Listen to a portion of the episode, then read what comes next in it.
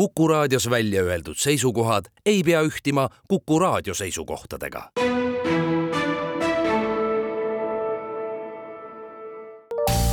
terviseks. Saadet toetab Lääne-Tallinna Keskhaigla, vaata ka keskhaigla.ee tere, head Kuku kuulajad, eetris on saade Terviseks ja me räägime täna uriinipidamatusest. mina olen Ingela Virkus ja koos minuga on stuudios Lääne-Tallinna Keskhaigla naistekliiniku günekoloogia osakonna ülemarst, juhataja doktor Külli Idla, tere! tere! mida uriinipidamatuse all siis silmas peetakse?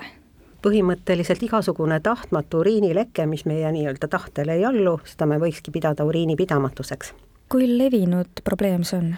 See on tegelikult väga levinud ja, ja äh, noh, mina naistearstina muidugi saan rääkida nüüd naiste poole pealt, aga naistel on seda kindlasti esineb rohkem kui meestel. ja siin mõni aeg tagasi on Eestis tehtud üks uuring, mm, kus siis küsitleti inimesi ja leiti, et äh, elu jooksul on viiskümmend neli protsenti naistest nagu mingil äh, eluhetkel selle uriinipidamatusega kokku puutunud, see on väga suur number. miks see tekib? Eh, noh, uriinipidamatust ei saa noh, eh, trakteerida nüüd ühe haigusena, siin on mitmeid variante, need tekkepõhjused on erinevad, et eh, võib-olla peatuda võiks nagu nende kõige levinumatel uriinipidamatuse tüüpidel, neil on sellised nimed nagu stress ehk pingutusinkontinents ehk siis uriinipidamatus, see ilmneb siis noorematel naistel. Ja kõhusisese rõhu järsul suurenemisel, noh näiteks aevastades või, või köhides, naerdes, hüpates, midagi füüsilist tehes, kaasneb selline põie siserõhu tõus ja tekib äkiline tahtmatu uriinileke aga kas sellele eelneb siis ikkagi mingisugune trauma või mingi olukord, et kui ma terve inimesena aevastan näiteks ja ei juhtu midagi, et siis no üks selline trauma, kui me nii võime nüüd rääkida, on sünnitamine, ehk siis selle on teada, et et äh, mida rohkem naine sünnitab, seda suurema riskiga on äh, ta just uriinipidamatuse, just seda stresstüüpi uriinipidamatuse tekkeks. Öeldakse ka, et kui on juba üle kolme lapse naine sünnitanud, siis võib olla kümnel protsendil sellist, äh, sellist uriinipidamatust no tekkemehhanismi ongi, et sünnitus ja ka raske füüsiline töö põhjustab nagu vaagnalihaste äh, lõtvust või kahjustab neid ja sellest on siis tingitud see kusiti sulgurlihase äh, noh, vähene pinge või, või, või lõtvus. muidugi see ei ole ainus äh, uriinipidamatuse vorm, vanematel prouadel on, tihti tuleb ette sellist nagu tung uriinipidamatust, ka nimetatakse seda üliaktiivseks põieks, seal on vähekene teistsugused need sümptomid nendel on, äh, muidugi kaasneb ka selline pidev äh, urineerimisvajadus, pidev selline pakitsustunne ja see on ääretult ebameeldiv, noh, selle foonil tekib siis ka niisugune tahtmatu uriinileke kas siis võib öelda, et kui ma küsiksin, et kellel selle tekkeks suurem soodumus on, et siis võibki ühelt poolt öelda, et naistel on suurem soodumus, äh, sünnitanud naistel ja siis ka vanus mängib oma rolli? mängib, aga kui me nüüd räägime sellest äh, stresstüüpi inkontinentsist, kui tegemist on siis nende nii-öelda lihaste lõtvusega, see on pigem noorematel naistel ja vanusega äh, nagu see protsent langeb, vastupidiselt sellele üliaktiivsele põiele, noh, nagu ma ütlesin, siin need tekkepõhjused on erinevad ja kui me räägime nüüd üliaktiivsest põiest, siis menopausiga kipub äh, see probleem süvenema, et tekib selline kudede atroofia, ehk siis limaskestad lähevad hästi õhukeseks nii, nii põies kui kuseteedes, just ma pean põid silmas, ja selle foonil hakkavad sellised probleemid kas see iseenesest on juba probleem, et on ju ka väljend, et naersin nii, et äh, tilgad püksis, et kas see on juba probleem või see on? no kuidas inimene seda ise trakteerib, ütleme, kui see on juhuslik, harva esinev, siis, äh, siis äh, kohe ei peaks nagu arsti juurde tormama, aga kui selline probleem nüüd näitab nagu süvenemistendentsi ja üldsegi mitte ei taha iseeneslikult üle minna, siis loomulikult peaks oma tohtriga rääkima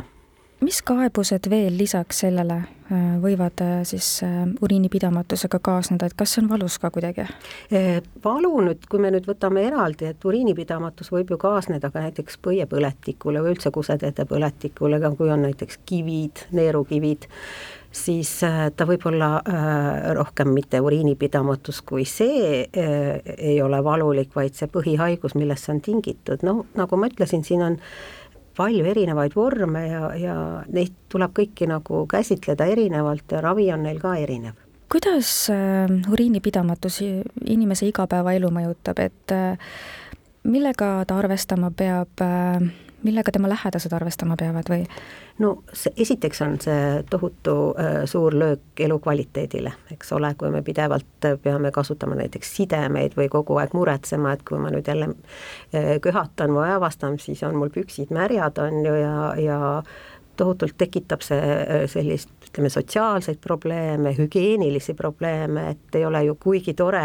selline elu, et sa kogu aeg kiikad, et kus see WC on ja kuidas ma jälle peaksin sinna minema, et kogu meie elu ju kannatab selle all. ei saa endale lubada näiteks teatris käiku või